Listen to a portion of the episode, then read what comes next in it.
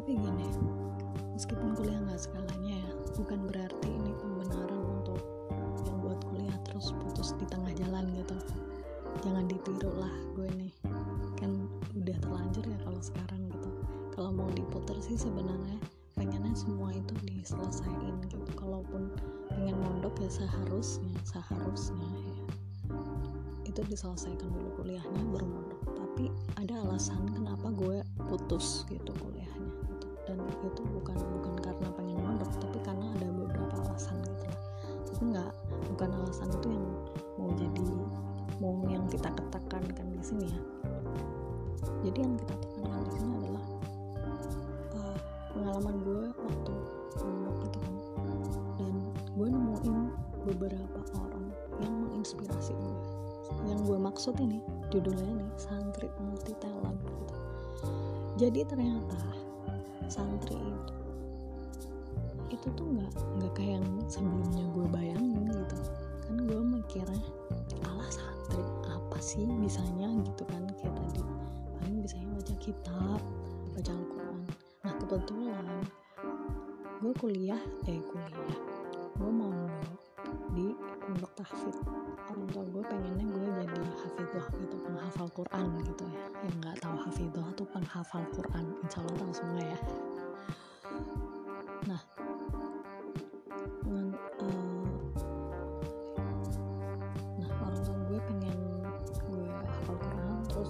dimasukkan ke pondok tahfidz itu di Salatiga itu punya orang tua gue gitu. Pondoknya. Itu tuh gimana ya? Di sana gue nemuin beberapa orang gitu. Ada orang yang beliaunya tuh dulu juga ya kayak santri lah ya di dari sekolah. Apa sih? Kayak apa nih? Man PK pernah denger man PK nggak? Gue lupa kepanjangannya apa. Itu kalau nggak salah di Jogja. Seingatku itu man PK tuh ada di Jogja. Nah dia tuh kan di sana udah kayak boarding gitu ya asrama. Ya mirip-mirip santri lah ya orang orang gitu kan. Itu tuh bisa dibilang santri lah ya. Lah multi talent banget kalau menurut gue sih. Dia bisa berbagai macam dan dia terus akhirnya masuk ke pondok Salatiga itu dia tuh lagi hamil gitu hamil muda. Orangnya pinter gitu keren sih orangnya. Itu juga salah satu orang yang menurut gue wah keren ya ternyata santri bisa kayak gini juga gitu bisa multi talent gitu dia pernah ikut apa sih? Meskipun gue kurang setuju sih ya ya kita pasti ada yang dia kayak kayak apa cewek muslimah gitu ikut lomba lomba apa sih? Apa namanya? Fashion show. Iya yeah, fashion show. Tapi itu tuh dia ada di pondoknya jadi cewek-cewek gitu kayaknya sih yang lihat sih berdasarkan cerita yang banyak itu.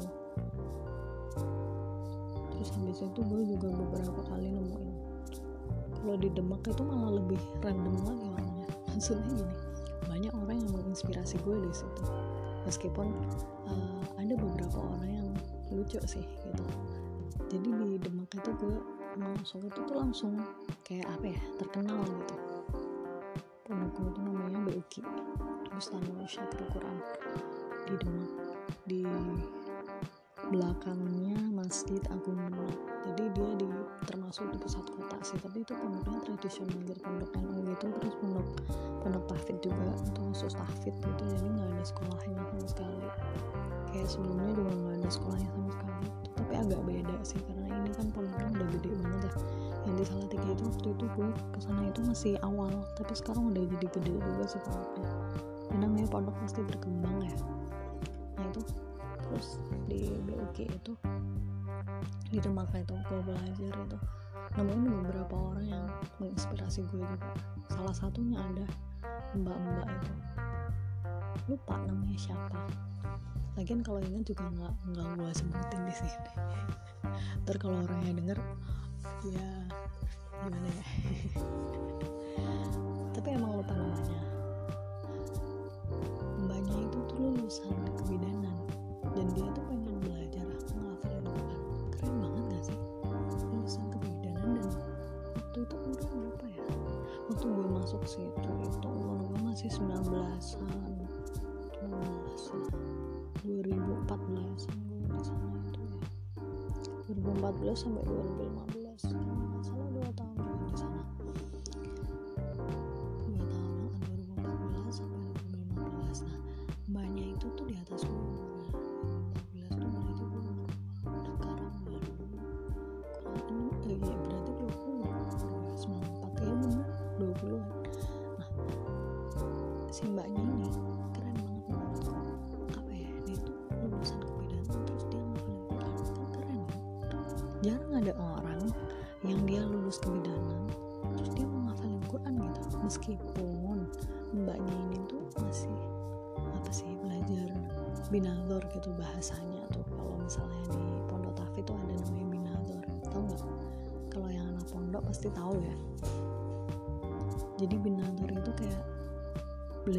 baca gitu. Baca Al-Quran dengan benar gitu. Eh, aku kurang ingat gitu kurang kurang tahu beliaunya itu tuh sampai ngafalin Quran sampai selesai atau enggak. Tapi kayaknya enggak sih. Kayaknya enggak. Soalnya seingatku waktu itu dengar-dengar sih aku nggak begitu dekat sama mbaknya juga cuma kenal ya kenal lama terus beberapa kali pondok gue itu. Itu kan eh, santrinya tuh waktu itu tuh 500an sampai 750an gitu. Banyak banget kan ya. Dan pasti eh, nggak semuanya pasti kenal kan. Wajar lah kalau beberapa ada yang nggak kenal gitu. Wajar lah kalau kita cuma kenal beberapa gitu. Maksudnya itu salah satu orang yang menginspirasi gue mbaknya itu. Terus ada lagi lucu itu yang tadi ya mau gue sebutin itu mau lupa. Itu tuh mereka itu langsung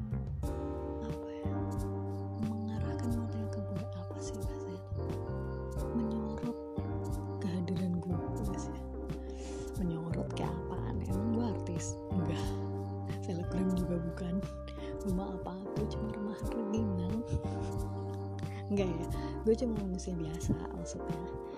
Itu tuh lucu gitu. Jadi mereka itu menyorotku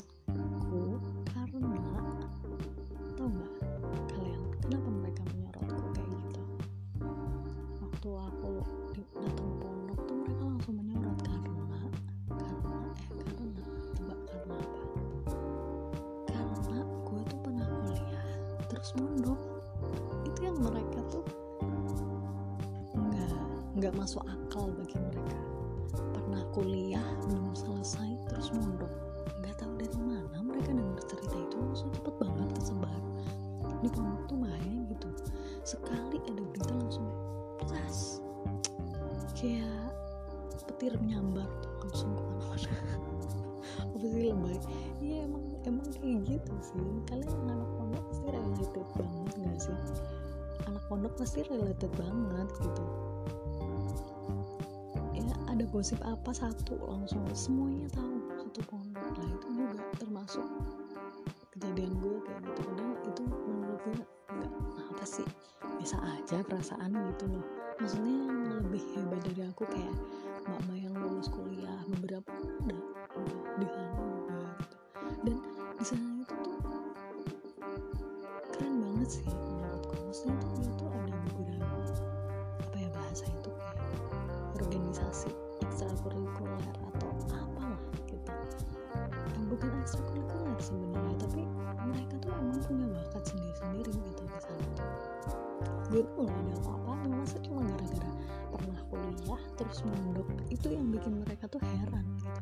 kok bisa gitu.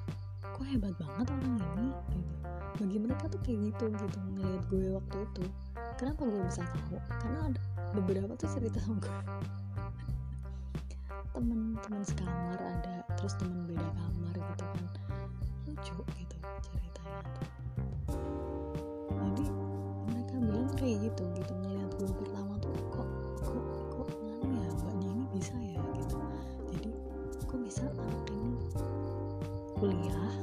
selesai terus malah mundur gitu. Dikiranya gimana gitu kan. Mereka nggak tahu aja ceritanya gimana aku bisa sampai sini gitu kan. Jadi bakal mungkin bakal gue bahas ke podcast podcast yang berikutnya. Bu, bukan podcast ini yang jelas. Nanti malah tambah panjang lebar. Ini udah part nih. Ini udah udah hampir 13 menit coba kalau cerita tuh emang emang kita tuh nggak cukup sejam dua jam. Kadang-kadang tuh beberapa jam aja kadang kurang. Harus sehari yang cerita jadi karena ini podcast gue bagi-bagi maksimal 30 menit lah. Kayaknya bosan kalau lebih dari 30 menit. Panas juga HP-nya nanti lama-lama dengerin podcast dulu ya. Nah terus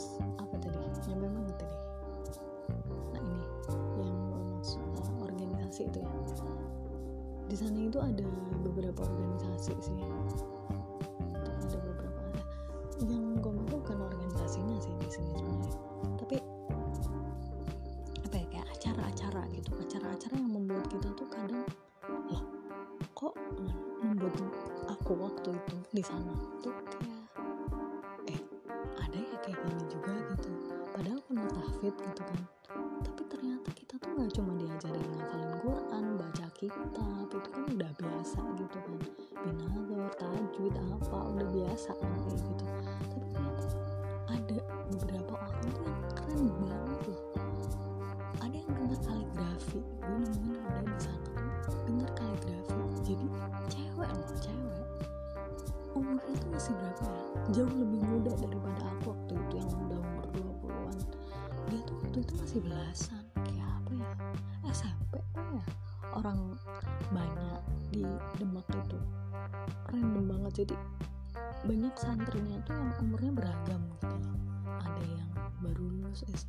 bahkan ada yang gak lulus SD terus masuk pondok situ menurutku jauh lebih hebat mereka timbang aku makanya aku heran aja kalau mereka nganggap aku kayak gitu. Mungkin merasa aneh aja ya bukan merasa dia hebat atau apa tapi aneh. Nah itu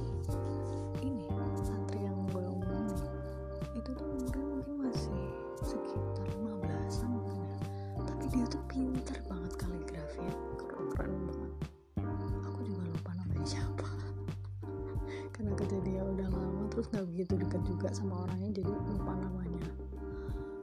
Itu tuh ada suatu acara yang bikin gue tuh takjub gitu sama kaligrafinya. Waktu itu gue nggak sadar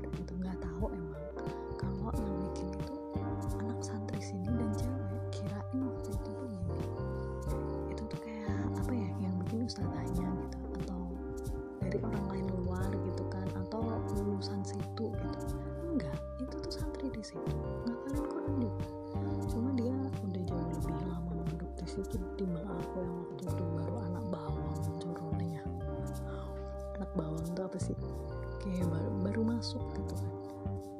Kan ya Allah keren banget gitu loh. Bisa bikin kaligrafi tuh kayak bentuknya kapal udah kayak kaligrafi yang dijual mahal itu di figura-figura itu loh di rumah orang-orang. Kalau di rumah gue sih nggak ada. Tapi ada beberapa kan di rumah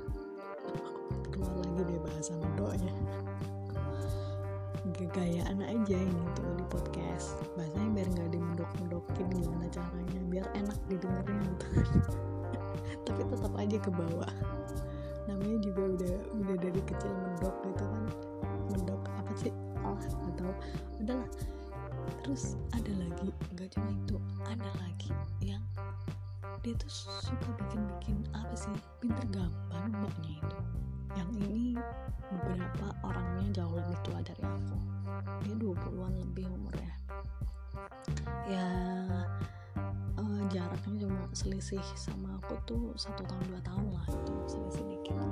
Kelahiran 90-an lah itu. Tuh pinter-pinter banget gambar jadi di pondokku tuh ada acara. Kenapa aku bisa tahu kaligrafi itu? Di pondokku tuh ada acara dulu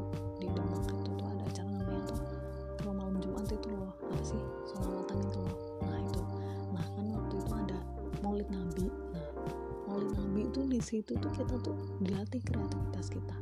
Nah enggak sih, sih sebentar. Aku lupa ya. Enggak.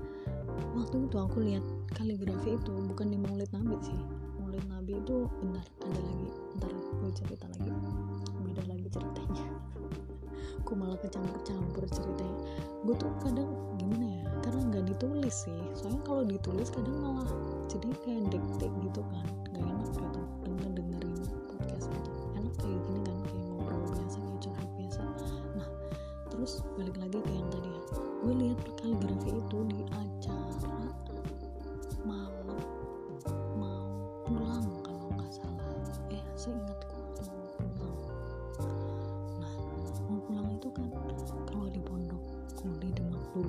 itu tuh ada acara gitu.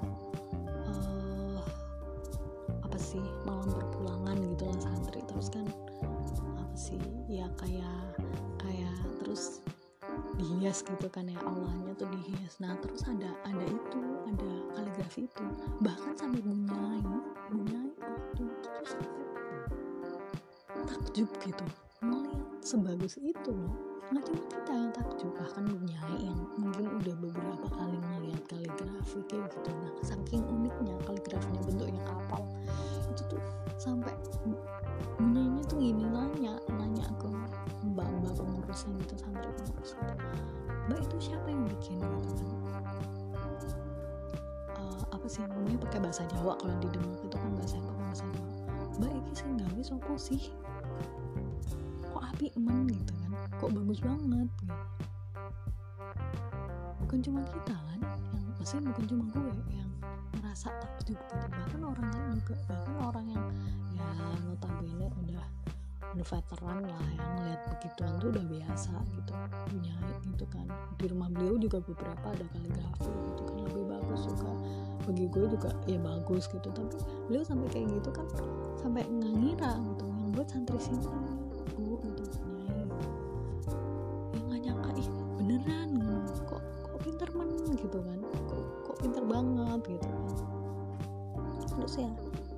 cuma salah satu aja sih.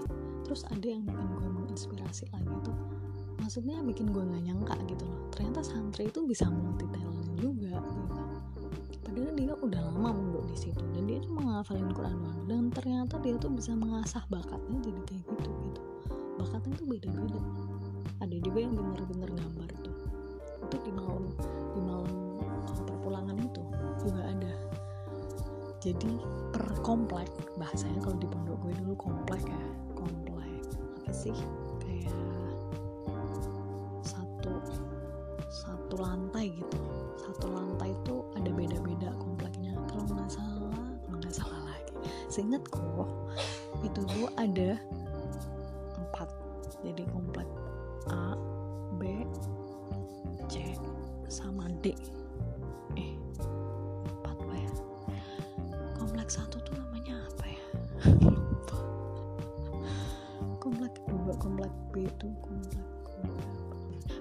komplek D itu Darun aja terus yang namanya Islam Islam gitu lah Darun aja terus apa lupa lupa. Udah lost kontak juga sama teman-teman pondok tuh. Nah udah lama mungkin udah pada punya anak juga sih. Sekarang ya nggak ngerti. Nah intinya ya bukan nama kompleknya yang kita bahas ya. Intinya itu di malam itu itu tuh anak-anak per komplek diuji ke kreativitasannya ke kreativitasannya maksud gue untuk menghias kompleknya dan itu tuh unik-unik banget ya saya tahu nggak ada yang bikin ada mbak-mbak yang bikin. Mbak-mbak ya karena cewek semua di situ. Santri putra ada sendiri santri putri kan sendiri jadi cewek semua yang bikin. Itu mbak-mbak semua yang bikin. Anak-anak santri semua. Ya ada mbak-mbak ada yang seumuran gue ada yang di bawah gue juga. Itu tuh bikin apa sih? Menara Eiffel lu loh. Replika menara Eiffel. Tapi tuh lebih tinggi dari badan gue waktu itu. Mungkin 2 meteran kali ya sekitar. Coba. Dari kerdus gila banget. Dan warnanya tuh bagus. Warnanya kayak menara Eiffel bener enggak sih cuma warnanya tuh emas kalau nggak salah. Jadi di, dilapisin sama kertas apa sih marmer ya? Marmer emas gitu. Terus ada juga yang komplek gue unik banget komplek gue itu komplek B. Namanya apa sih? Gue lupa.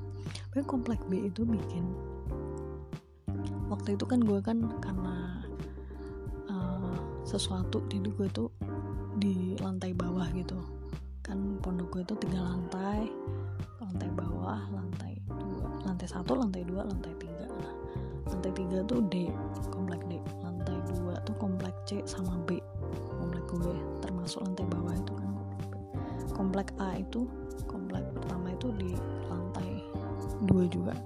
Jadi lantai bawah itu buat kamarnya ustazah pengurus sama kamar gue itu terus aula ya gitulah. Kamar gue ya masuk ke lantai B itu eh komplek B maksudnya. Nah kalau kamar gue kan karena di bawah kan nggak nggak begitu dihias ya paling depan depannya doang. Tapi di komplek B gue yang di lantai dua itu keren banget.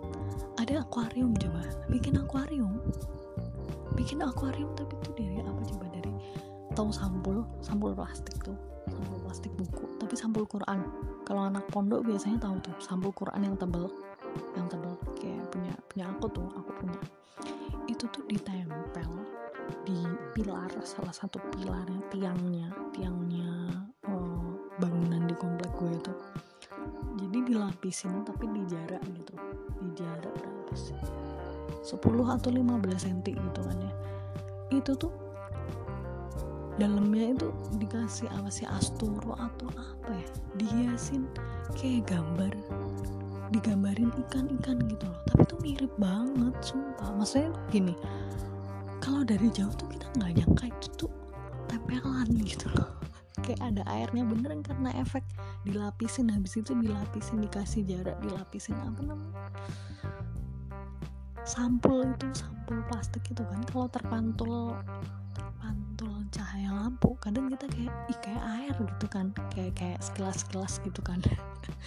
Terus atasnya karena kita tuh apa sih waktu itu temanya tuh seaward jadi ada temanya sendiri-sendiri. Di komplek gue tuh temanya seaward unik banget. Itu pertama kali gue mondok dan ya Allah kok unik banget ya gitu. Kok kok bisa gitu loh mbak-mbaknya ada pikiran bikin kayak gini. Terus atasnya tuh dikasih ikan-ikanan gitu di dicantolin apa sih digantungin di atap-atap itu di atap atas itu. Coba kober banget ya kober apa sih? Rajin banget gitu loh mbak-mbaknya bikin kayak gitu udah udah mau 25 menit nggak kerasa lagi kan? Mungkin ada part tiganya kali ya. Enggak enggak sih. Ini udah udah sih. Udah yang maksud tambah santri banget itu. Gitu terus habis itu ya nggak nyangka gitu. Dan komplek A komplek pertama kan. Itu tuh unik juga. Modelnya tuh temanya tuh pengantin deh pak. Buatnya dari mereka tuh bikin dari kardus sama styrofoam gitu.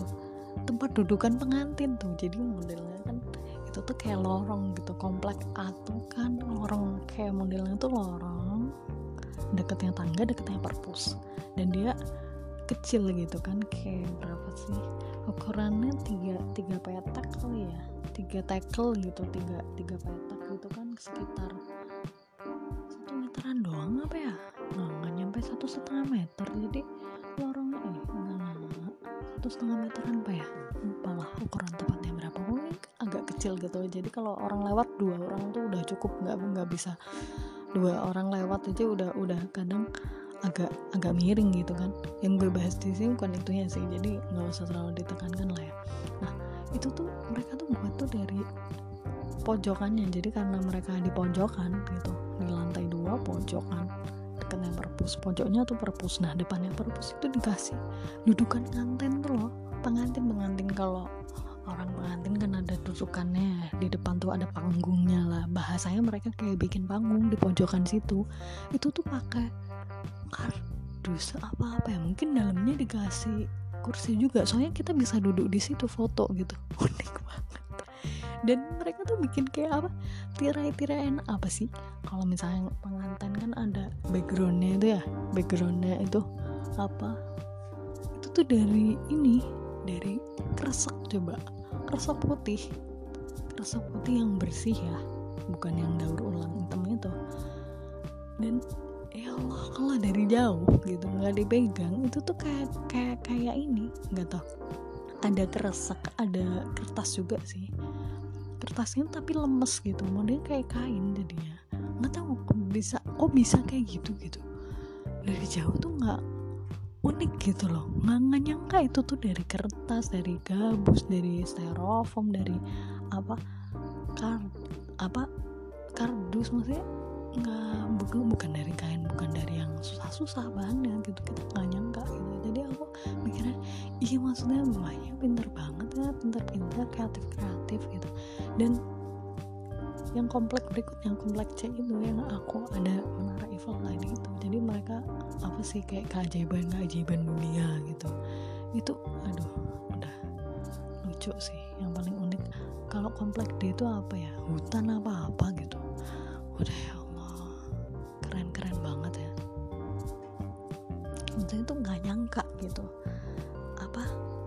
ternyata santri itu bisa multi talent gitu kan.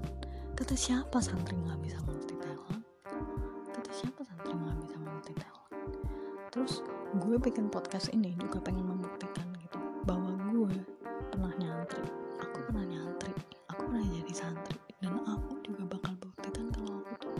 cuma bisa baca kitab ya baca kitab apa sih? Gue malah dikit-dikit karena gue uh, pondoknya tahfid ya.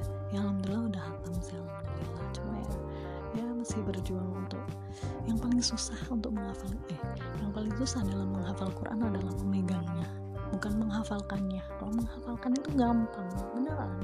Nggak begitu susah cuma susah itu megangnya merujaahnya itu berat. Mohon doanya ya untuk agar bisa tetap memegang kan amin. Kalau misalnya kalian ya semoga kalian yang dengerin podcast ini juga bisa menghafalkan Quran juga. Kalau udah punya hafalan semoga hafalannya bisa kepegang ya. Bisa sih bahasa itu. Kalau santri itu mungkin ya jadi hafal di luar kepala bener-bener sampai ngelotok gitu. Ngelotok bukan hilang ya ngelotok nempel maksudnya. Saking saking nempel lah sampai ngelotok ngelotok gitu.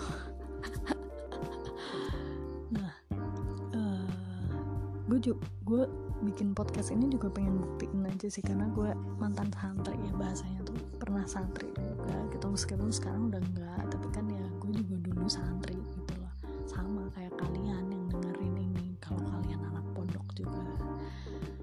kalau bukan yang nggak apa-apa gitu. Ini cuma sharing aja sih gitu. Bukan ber, bermaksud untuk mengajak kalian untuk pondok enggak.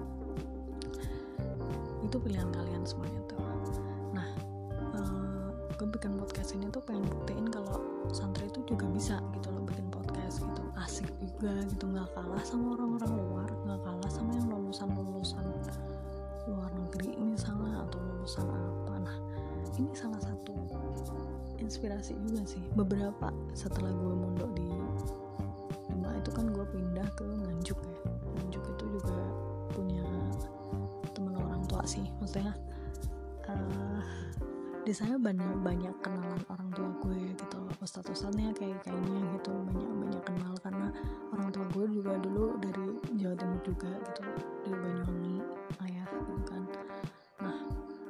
di situ tuh gue kayak dititipin gitu kan sama ya sama teman-teman ayah gue gitu kan. Ayah gue ayah bilang ke temennya gitu kan nitip anak saya di sini gitu kan.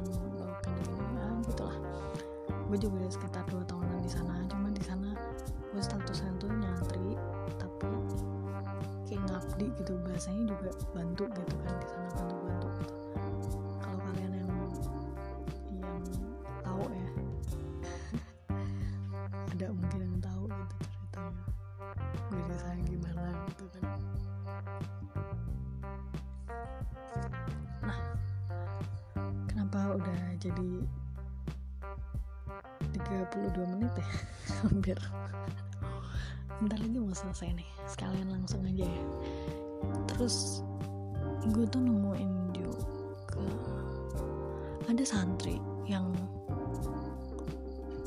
kota sama gue gitu kan. Tapi dia nggak ngafalin Quran gitu di reguler gitu di pondok reguler. Jadi di Nganjuk tuh ada pondok reguler ada yang Quran gue kan di Qurannya. Nah ini tuh tadi mau ngomongin apa? Lupa. Oh ya santri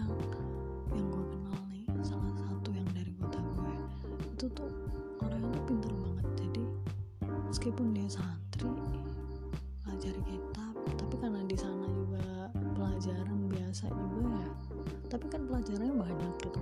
Nggak semua orang kayak dia. Tapi dia emang pintar banget sih dari SD nya gue tahu. Itu dia tuh beberapa kali ikut olimpiade loh dan menang. Gila banget gak sih? Keren sih. Buat kamu yang dengerin keren kamu. Buat kalian yang temennya keren kan temen kalian itu? Itu salah satu yang santri multi talent ya nggak sih? Dan dia nggak cuma berbakat di bidang salah satu acara dia jadi membaca puisi. Itu padahal acara level udah apa sih level provinsi udah. Keren banget ya tuh padahal waktu itu umur dia masih berapa? Udah SMP belum? Atau masih SD ya? Lupa. Udah lama banget kejadiannya. Masih SD orang gue masih kuliah waktu itu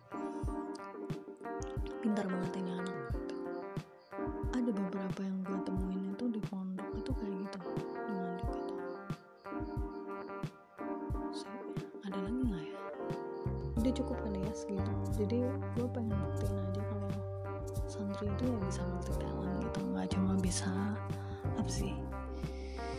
Belajar ngaji kitab ngaji Quran gitu. Tapi juga bisa melakukan hal lain seperti bikin podcast yang asik kayak gini. Terus menang-menang olimpiade ngalahin yang lain dari sekolah favorit. Terus bikin-bikin kaligrafi gitu kan. Kreativitas ya itu kreativitas ya tapi kan gini maksudnya kadang orang kan beranggapan ala santri bisa apa sih? gitu apalagi orang dari luar kan. Ala apaan sih? Kadang-kadang gue juga insecure gitu kan ngerasa insecure gitu. Maksudnya gini namanya insecure kan manusiawi ya. Ngerasa kayak aduh gue tuh malu gitu sebenarnya di di depan teman-teman gue gitu kan. Malu di depan teman-teman gue gue kuliah dulu gitu kalian. Kalau ada teman gue kuliah yang dengerin ini. Sama sama kalian itu gue malu sebenarnya malu karena gue tuh nggak kayak kalian menurut gue tuh gue tuh nggak ada apa-apanya dibanding kalian gitu. Cuma gue pengen apa ya ya pengen sedikit berbangga diri lah gitu. Membesarkan hati sendiri gitu. Biar nggak terlalu insecure banget ya bahaya juga kalau terlalu insecure. Nah uh, maksudnya tuh biar gue bisa